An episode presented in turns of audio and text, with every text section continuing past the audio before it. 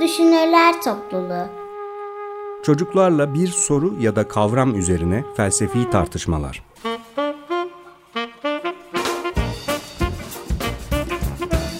Hazırlayan ve sunan Özge Özdemir.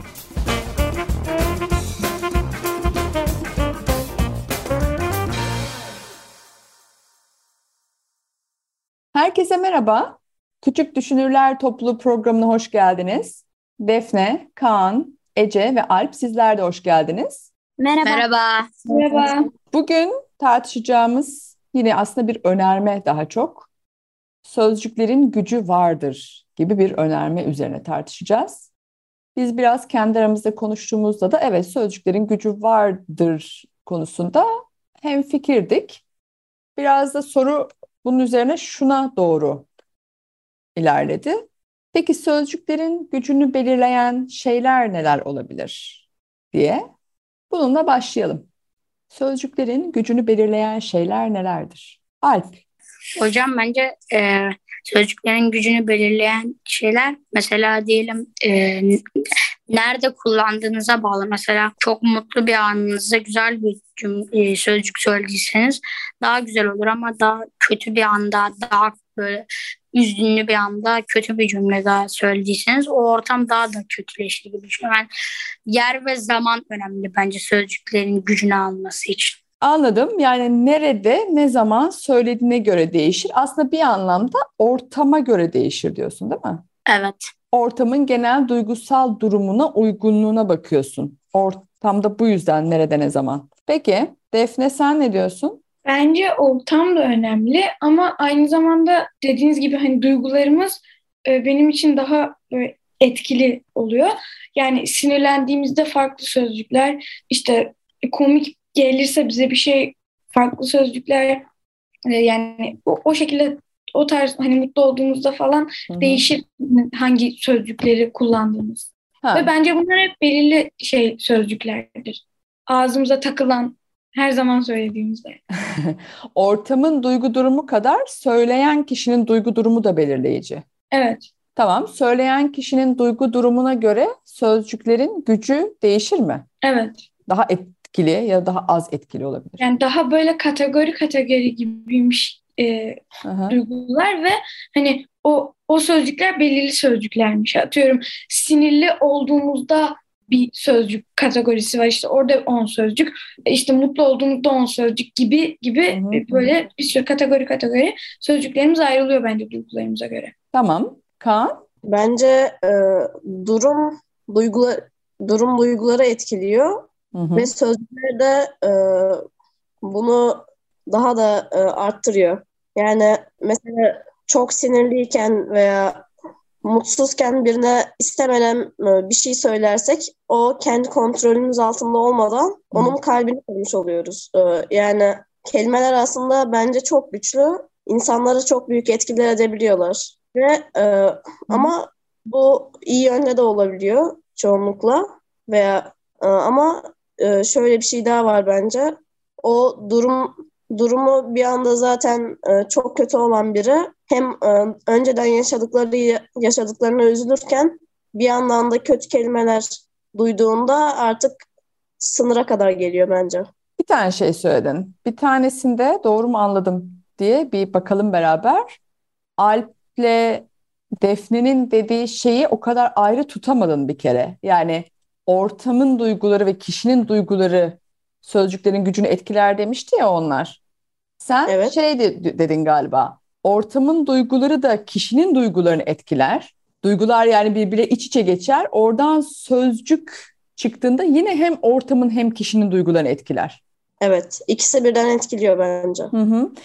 Ama İkincisi, bence Heh, sözcük daha çok etkiliyor bence. Tamam. İkincisinde de olumlu sözcüklerin yarattığı etkiden çok olumsuz sözcüklerin yarattığı etkiyi, o gücü daha üzerine tartışılır buldun galiba. Yani onu orada bir problem olabilir dedin galiba. Yani aslında e, ikisi de kendi Hı. yönüne göre e, güçlü şeyler. Hı hı. Ama yani elma ile armutu kıyaslayamayız. Çünkü biri mutluluk, diğeri üzgünlük gibi bir şey. Tamam, buna dair bir şey soracağım ama birazdan bir dursun. Ece çünkü bir şey diyecekti. Onu dinleyeyim bir. Şey, öğretmenim Kaan demişti ya e, duygular, sözler güçlü diye. E, bence sözler silah olarak da kullanılabilir yani. Hep böyle pozitif olarak da kullanılmayabilir. Bazen de kontrol içinde olabilir. Mesela yani sağlıksız bir ilişkiden örnek verelim. Hı hı. E, bir kişi öbürü onun istediğini yapsın diye kelimelerle onun moralini bozabilir. Mesela e, bir teröristin bir kişiyi para için silahla tehdit etmesi gibi bir şey bence. Yani illa bilmeden olmaz her şey. Hı hı hı hı. Çok iyi anladım dediğini. Yani insanlar ya da ortamın duygusuna kapılıp da sözcükler bir anda çıkmıyor. Bazen sözcükleri kişi bilinçli olarak tüm duyguları etkilemek için kullanabilir diyorsun, değil mi? Dolayısıyla sözcükler böyle duygu durumundan otomatikman çıkıp ortamı daha da köpürtmüyor. Bazen insanlar ortamı köpürtmek için bilinçli olarak sözcükleri ayıklıyorlar ve ona göre kullanıyorlar diyor Ece. Ne diyorsunuz buna? Evet. Hı hı. Alp? Ha bir de şey dedi onu da söyleyeyim. Bu anlamda sözleri silah olarak tanımladı. Yani kişinin bir silah kullanması gibi. Alp? Hocam ben Ece'nin dediğine katılıyorum. Ama ben şöyle bir şey diyeceğim. E, şey dedik. Yani e, ben şey dedim. Yer, zaman ve ortam belirleyebiliyor e, sözcüklerin şeyini dedik. Ama şimdi Ece'nin dediğiyle de biraz yola çıkarak şöyle bir şey aklıma geldi.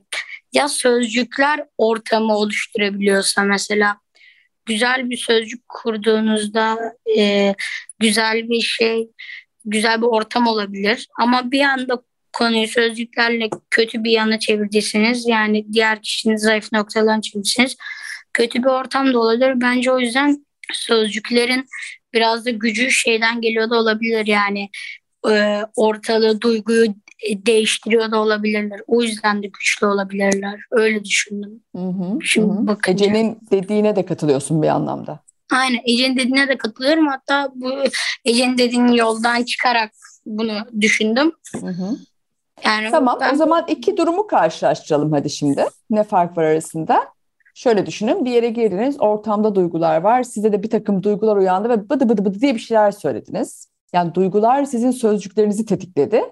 Ya da bilinçli bir şekilde hem diğerlerinde hem de ortamda bir duygu yaratmak için bazı sözcükler kullanıyorsunuz. Farkındasınız o etkileri yaratacağınızın. Bu iki durum arasında Nasıl bir sorumluluğumuz var bizim? İkisinde de aynı şekilde sorumlu muyuz konuştuklarımızdan? Ece? Ee, evet öğretmenim bence sorumluyuz çünkü e, üzgün bir insanın diyelim ki neşelendirdik sözlerimizle. Hı hı. Onun neşelenmesinin sorumlusu biz oluruz. O gider arkadaşlarına der. E, Özgü öğretmen beni neşelendirdi. Sorumlusu o der. Hı hı. Birini üzsen de aynı şeyi aynı şeyi söyler bence. Yani yaptığın her şeyin sorumlususun söylediğin her şeyin bence. Hı hı, hı. Ama onu bilinçli olarak duyguları değiştirmek için yapanın sorumluluğuyla bilinçsiz bir biçimde duygularına kapılıp konuşanın sorumluluğu aynı mı? Yani e, duruma göre değişir bence yani. Hı hı. Kötü bir şeyse sorumlusu o olur. İyi bir şeyse zaten insanlar fark etmeyebilir ki bence. Ha ha genellikle kötülük olunca mı sorumluluk meselesi devreye giriyor diyorsun. Evet, e, yani insanlar kötülükleri daha çok fark eder yani. E, Peki. küçük iyilikleri değil de e, küçük kötülükleri daha fazla fark ederler. Defne? Zaten e, insanlar olumsuz sözcüklere, sözcüklerimize daha çok tepki gösteriyor. Hı hı, Bazen de sinirlendiğimizde o olumsuz sözcükleri kullanıyoruz ya. hı hı. Mesela o zaman e, o olumsuz sözcüklerde hiç tepki gösteremiyorlar. Çünkü böyle susup kalabiliyorlar bazen. Hani Hı hı. o kadar onu o kadar çok etkileyecek sözcükler e, kullanabiliyoruz ki böyle susup kalıyorlar ve bir şey söyleyemez hale geliyorlar, kitleniyorlar böyle. Bazen de çok tepki gösteriyorlar. Hı hı, hı hı. Ya, Asla bunun ortasını bulamıyorlar bence. Bulamıyoruz da. Anlıyorum dediğini. Aslında onu Kaan da mutluluk yaratan ya da üzüntü yaratan sözcükler demişti. Onu soracağım demiştim. Yine o aklımda o soru. Bir dursun, beklesin. Şunu netleştirmek istiyorum. Şöyle bir ortam düşünün mesela. Birisi geliyor, bilinçli bir şekilde sizde bazı duyguları uyandırmak üzere sözcükler kullanıyor. Bir bu kişiyi düşünün, tamam mı? Bir de kendinizi düşünün. Siz bunun bu- bunun yapıldığını fark etmiyorsunuz ve bir anda sizde ve ortamda bir takım duygular uyandırınca siz de bazı sözler söylemeye başlıyorsunuz. Ve dolayısıyla ortalık bir kaosa doğru gidiyor olsun. Burada iki tarafın sorumluluğu açısından bakarsanız iki tarafa da sorumlular der misin sözcük kullanımı açısından? Kaan? Bence iki tarafta e, sözcük kullanımı tarafından sorumlu. Hı hı. Yani kendini e, o bilinçsiz bir şekilde yapan da kendini birazcık e, kontrol etmesi lazım. E, Hı hı. ne kadar büyük bir şey olursa olsun. Yani sınıra gelmediği sürece. Hı hı. Bir de e, bence iki taraf işte pozitif yönde de negatif yönde de şöyle bir şey var bence. Bir e, amaç amaçladığımızda e, olan bir de amaçlamadığımızda o. Yani aslında sonuç aynı ama amaç farklı olunca e, insan o amacı kötü bir şey yarattı diyelim. O zaman e, kendini suçlu suçlu buluyor. Sürekli e, kötü şeyler geliyor aklına falan. Ama bunu e, bilinçli bir şekilde zaten onu amaçlayarak o sonuca ulaşırsa bence zaten ben bunu istemiştim. Bu da e, bu şekilde oldu. Yani bir tanesi bile isteye yapıyor. Evet. Diğeri kapılıyor. İsteyerek yapmıyor. Bir anda kapılıyor. Ama onun kapılmasından da o sorumlu diyorsun. Yani bir, bir, bir şekilde orayı kontrol etmeli dedin, değil mi?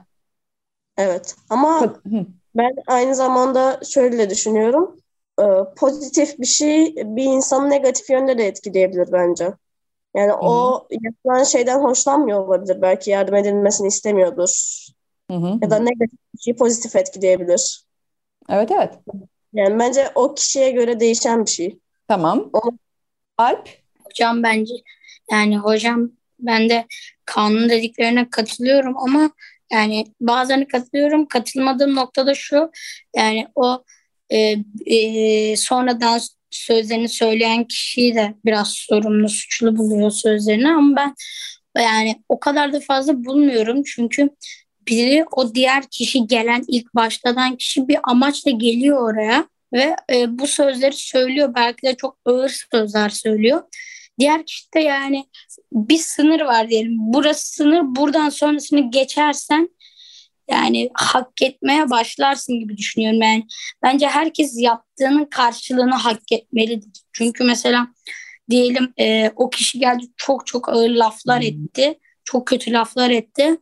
İşte o zaman yani sınırı geçince artık sen de kendini tutamayıp söylersen bence ilk o söyleyen kişinin suçu olur diye düşünüyorum. Çünkü durduk yere başlattı. Ne gerek vardı yani? Sen başlatanı sorumlu buluyorsun. Evet. Bir de tabii seni görmüyorlar radyodan. Hani şurana kadar gelirse dedi ya o halk arasında şurama kadar geldi hareketini yapıyor Alp. Sınırdan bahsettiği şey o. Biri gelip bilinçli bir şekilde sözcükleri silah gibi kullanırsa ve çok ileri giderse karşı tarafında duygularını kontrol edemeyerek, kapılarak bazı sözcükler söylemesi mümkün. Onu daha kabul edilebilir buluyorum ikinci kişiyi ama birinci başlatanı daha suçlu buluyorum diyor. Evet öyle buluyorum. Defne? Benim ilk başta ben de Kaan'a katılıyordum. Sonra Alp söyleyince bayağı bir fikrim değişti. Ee, şimdi şöyle Kaan'a katılmamın sebebi iki tarafında sorumlu olduğunu düşünüyordum ben de. Çünkü sonuçta hani ilk kişi başlatıyor, öbürü de devam ettiriyor. Aslında intikam gibi bir şey bu. Ee, ama başlatan kişi e, ilk kişi ve e, hani onun da öyle bir ikinci kişinin tepki vermesinin nedeni de başlatanın o e, şeyi durumu başlatması oluyor. Yani o yüzden bence de başlatan daha çok suçlu ama aslında iki tarafta e, sorumlu oluyor ama benim için de başlatan daha çok sorumlu. Tamam. Ece de bir şey diyecek. Öğretmenim, e, benim düşüncem Alpinki, Alpinki gibi ben Alp'e katılıyorum yani. Ama bence direkt bir neden için başlatanın da suçu değil yani. En çok suçlanacak kişi varsa Hı. boş yere başlatan. Yani kıskançlık duygusundan örnek vereceğim. Hı hı. Şimdi bir kişi e, atıyorum bir tane maket hazırlamış. Çok güzel. Öbür kişi hazırladığı maketi kıskanmış. E, o yüzden gitmiş e, boşu boşuna ona laf atmış diyelim. O kişi boşu boşuna başlatınca karşısındaki kişi karşılık verirse bence karşısındakinin suçu değil o. Özellikle de e, yani Defne'nin dediğine de katılan e, katılalım diyelim. e, Defne'nin dediğine de katılıyorum aslında azıcık da olsa. E, mesela iki tarafta suçlu dedi Defne. Evet, iki tarafta Ha. suçlu bence de. Hı hı. Ama eğer birisi boşu boşuna başlattıysa başlatan taraf daha fazla kabahate Yok sahip. onlar da öyle dedi ama Alp'le e, Defne de başlatan tarafı daha e, şey buldular, suçlu buldular. Evet ama e, ben azıcık karışık dedim. Demeye çalıştığım şey şu. Hı hı. E, böyle karşılıklı bir durumda asıl boşu boşuna başlatan bir neden için başlatandan daha e, şey Ha, böyle anladım, suçlu. anladım. Bir de iki tarafında kabahati var. Şunu söylüyor Ece galiba. O başlatan var ya bilerek başlatan dediğin şey. Bilerek başlatan bazen bir amacı oluyor, hedefe gitmek için yapıyor. Bazen de boşu boşuna yapıyor. Ya sırf kaos olsun diye yapıyor diyor. Peki, şimdi bence bu da güzel bir şey. Bunun da üzerine konuşabiliriz. Ee, ama küçük bir müzik arası yapalım. Bunun üzerinden devam edelim. Evet, şimdi en son Ece demişti ki bilerek gelip sözcükleri silah gibi kullanan kişiyi de ikiye ayırdı aslında. Bu kişi bazen hedefli bir manipülasyon da yapıyor olabilir yani. Bir hedefe ulaşmak için karşı tarafta duygular yaratmak için yapıyor olabilir. Bazen de boşu boşuna sırf bir kaos ve karmaşa için yapıyor olabilir. Ve boşu boşuna yapanı en çok anlamıyor galiba. Ona ona hak vermiyor yani. Ne diyorsunuz bununla ilgili Defne? Öğretmenim yani boşu boşuna yapanın da aslında boşu boşuna yapmıyor bence. Hani çok saçma bir neden olsa da e, her türlü bir kaos çıkarma da bir amaç mesela. Yani Hı hı o da boşu boşuna demek değil. Hani kaos boşu boşuna demek anlamına gelmiyor. Hani daha Anladım. böyle çılgın bir ortam böyle daha kavgalı Anladım. bir ortam yaratmak için yani her türlü saçma da olsa saçma olmasa da bir amacı var yani. O yüzden boşu boşuna diyemeyiz bence bunu. Hı hı.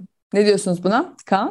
Ben de Defne'ye katılıyorum. Bence de ona boşu boşuna diyemeyiz. Aynı zamanda şey e, ben şöyle düşünüyordum aslında o e, kendi o şey amaçsız bir şekilde artık dayanamayıp şey yap sözcükleri e, yanlış kullanan bir kişi yani ilk başta onu etkileyen etkileyen bence de daha büyük suçlu ama şöyle bence o kontrol sınırını e, aşmadığı sürece yine de e, böyle sözcüklerini kullanamayacak duruma geliyorsa o zaman e, onda da bir suç var bence. Ama kontrol sınırını aştıktan sonra zaten ben onu suçlu görmüyorum. Yani o sözcüklere maruz kalan kişinin de sözcüklerden bu kadar hızlı etkilenmemesi gerekiyor diyorsunuz. Yani Et- sınıra kadar gelmesi Evet, lazım. be- be- belli bir yerden sonra herkes etkilenir ama çok da kolay hemen kapılıyorsa o kişi de o da o kadar hızlı kapılması durumuna bir baksın. Orada bir sorumluluğu var. Ama tabii ki çok haddini aşan bir şeyse de tepki verir ve o da bazı sözcükleri söyleyebilir gibi bir şey dediniz. Sınırla alakalı. Anladım. Ee, Alp bir şey diyecek sonra bir soru daha soracağım. Hı, Alp? Hocam Kaan'ın dediğine e, katılıyorum. Zaten çok çabuk o sözün üstüne alınıyorsan o zaman zaten sıkıntı vardır. Çünkü mesela diyelim birisi de sesini yükseltti. Bazı kişiler var ki böyle bir onun sesini yükselttiği anda direkt ona küsüyor. Kendi ona sanki çok kötü bir şey söylemiş gibi alınıyor. İşte o zaman saçma buluyorum ben de onları. Çünkü yani e, çok tepki vermen için o kişinin sana- çok ağır bir laf etmesi lazım. Yani seni çok derinden etkileyen bir laf etmesi lazım. E, bence bir de o da var. Onu da değinmek istiyorum. Mesela sizin o derin en derin noktanızı bilmeden söyledi o şeyi. O zaman alındınız belki tamam ama bile bile söylüyorsa o zaman ben tamamen suçlu buluyorum o kişiyi. Peki, tamam. Bir şey daha vardı aklımda. Hani or hem karşı tarafın hem de ortamın duygularını etkilemek için genellikle olumsuz şeyler söyleyenler üzerinde durdunuz ya. Bir de bazen olumlu şeyler söyleyip olumlu duygular yaratmak isteyenler de olabiliyor. Ama bu olumlu duyguları yaratırken mesela amaçları size o ürünü satmak gibi. Mesela bu da olabilir değil mi? Hani bir hedefleri var. Yani her olumlu duygu uyandıran da sözcükleri olumlu şekilde kullanan da iyi bir şey yapıyor diyebiliyor muyuz? Sırf hani olumlu olduğu için olumlu mu gerçekten? Onu demek istiyorum. Ee, Ece? Öğretmenim, e, diyelim ki iki kişi tartışma yaşadı. Sakinleştirmeye çalışan, ortalığı sakinleştirmeye çalışan ve e, ortalıktaki her şeyi düzeltmeye çalışan bir insan gelip bir kişiye yani sen haklıydın bence. E, o karşındaki kişi zaten şöyleydi, böyleydi derse ve bu karşısındaki kişiye ulaşırsa bir taraf için olumlu, bir taraf için olumsuz olmuş oluyor. Yani olumlu illa olumlu diye bir şey yok bence de. Ha, anladım. Bir de bu arada e, bu durumda haklı yok. İki, iki taraf da eşit haklı e, örne- örnekteki. Yani üç kişinin arasında oluyorsa bu olay, birisi olumlu sözcüklerle birinin moralini düzeltirken o olumlu sözcükler bir diğerinde aynı etki yaratmıyor. Dolayısıyla başka bir yerden baktı Ece. Peki Defne? Siz hani ürün dediniz ya oradan aklıma bir şey, bir aydınlandım oradan. Ee, bir örnek geldi aklıma. Mesela bir satıcı bize bir ürün satmak istiyor ve işte bu ürünü övüyor. Ee, alabilmemiz için, onu satın almamız için. Ee, iyice övdü, övdü, övdü. Biz o ürünü aldık. Güzel sözcükler söyledi ama ürün e, e, defolu çıktı mesela. Hani bu zaman e, hani güzel sözcükler kullandı ama olumsuz bir yere vardık. Ürün defolu çıkmasın mesela şöyle olsun. Geliyor mesela sana çok güzel sözcükler söylüyor. Sen de yani sözcükler olumlu. Sende de olumlu duygular uyanıyor. Ama aslında sana ürün satmak ya da sana bir iş yaptırmak ya da bir şey yapmak gibi bir şeyle sonlansın olay. Hmm. Yani olumlu sözcük var, olumlu duygu var ama başka bir olay daha oluyor. Her olumlu şey e, bazı olumlu durumların altında daha gizli ajandalar olma ihtimali var mı diye sordum. Var. Ya hep olumlu sözcük olumlu duygu yaratır ve bu çok güzel bir şeydir diyebiliyor musunuz yani? Olumlu sözcük mesela hani şöyle Be- bende olumlu bir duygu yarattı ama aynı zamanda o ürünü almak istemiyorum da. Hı hı. Mesela hani güzel bir ürün ama çok pahalı. Hani Hı hı. almasam mı, alsam mı? Hani olumlu mu, olumsuz mu? Bir hani aslında e, olumlu ama bir yandan da böyle istemiyoruz. Ama o istememek olumsuz anlamına gelmiyor. Anladım Emine. Ama seni biraz zora sokuyor işte bir yanıyla. Evet. Hı hı. Kaan? Bence kullanılması gereken durumda e, mesela olumsuz bir şey ve onu olumlu olarak e, açıkladığımızda o e, dürüstlükten birazcık çıkıyor ve e, bu insanları kandırmaya, dolandırmaya falan geliyor. Olumlu sözcüklerle olumlu duygular uyandırmanın da içinde kandırmaca taşıyabileceğini ve dürüstlükle ilişkili bir tarafı olabileceğini söylüyorsun. Evet, olumlu e, sözcükler hem kişiye göre e, olumlu bir şey yaratmayabilir ya da yaratabilir hem de e, yapmaya çalıştığı veya tanıtmaya çalıştığı şeye göre ya da ortama göre. Hı hı. Yani olumlu bir sözcük her zaman bir insana iyi yönde etki etmeyebilir. Hı hı. Olumlu sözcüklerin olumlu duygu yaratması altında dürüst olmayan, kandırmaca içeren bir şey de taşıyor olabilir. Yani her zaman olumlu sözcük, olumlu duygu yaratacak ve çok olumlu bir durum bu diyemiyoruz. Ona da bir- onun da başka bir katmanı olabilir. Peki, Evet. Son Alp'e söz veriyorum ve tamamlıyorum. Vaktimiz doluyor. Hocam kanun dediğine de kabul e, şey katılıyorum. Ee, bir de şey e, bence sözcüğün e, o olumlu sözcüğün her insana göre uyandırdığı şey değişir mesela. E, X kişisinde e, o, olum, o olumlu sözcük farklı bir şey uyandırır. Mesela güzel bir şey uyandırır. Yani mesela ona olumlu gelir o hı. sözcük. Ama mesela Y kişisinde o olumlu sözcük o kadar değil gelmez mesela. O kişinin daha çok hangi e, şeye ilgilendiği, hangi tarafta e, daha mesela duyguyla alakalı bir şeyse hangi daha duyguya hangi en fazla hangi duyguya sahip olduğu ile ilgili her insana göre değişeceğini düşünüyorum. Ama bunu olumsuz sözcükler için de söyleyebiliriz. Aynen ben Evet, bütün olumlu o- ve olumsuz olarak Evet. ay- ayırmadım zaten. Bütün o sözcükler için geçerli Hı hı. bence. Peki, biz bugün sözcüklerin gücü olduğunu kabul edip ardından da bu gücü neler belirliyor diye tartıştık. Ortamın duygusal durumu belirleyebilir, kişinin duygusal durumu belirleyebilir. Hatta bazen de bir kişi bu sözcükleri duygu durumlarını değiştirmek için bile isteye o gücü kullanabilir diye tartıştık. Bir de olumsuz ve olumlu durumlar, duygular yaratmanın biçimleri üzerine konuştuk. Güzel bir tartışma oldu. Çok teşekkürler. Haftaya bir sonraki bölümde görüşmek üzere. Görüşürüz. Görüşürüz. Görüşürüz.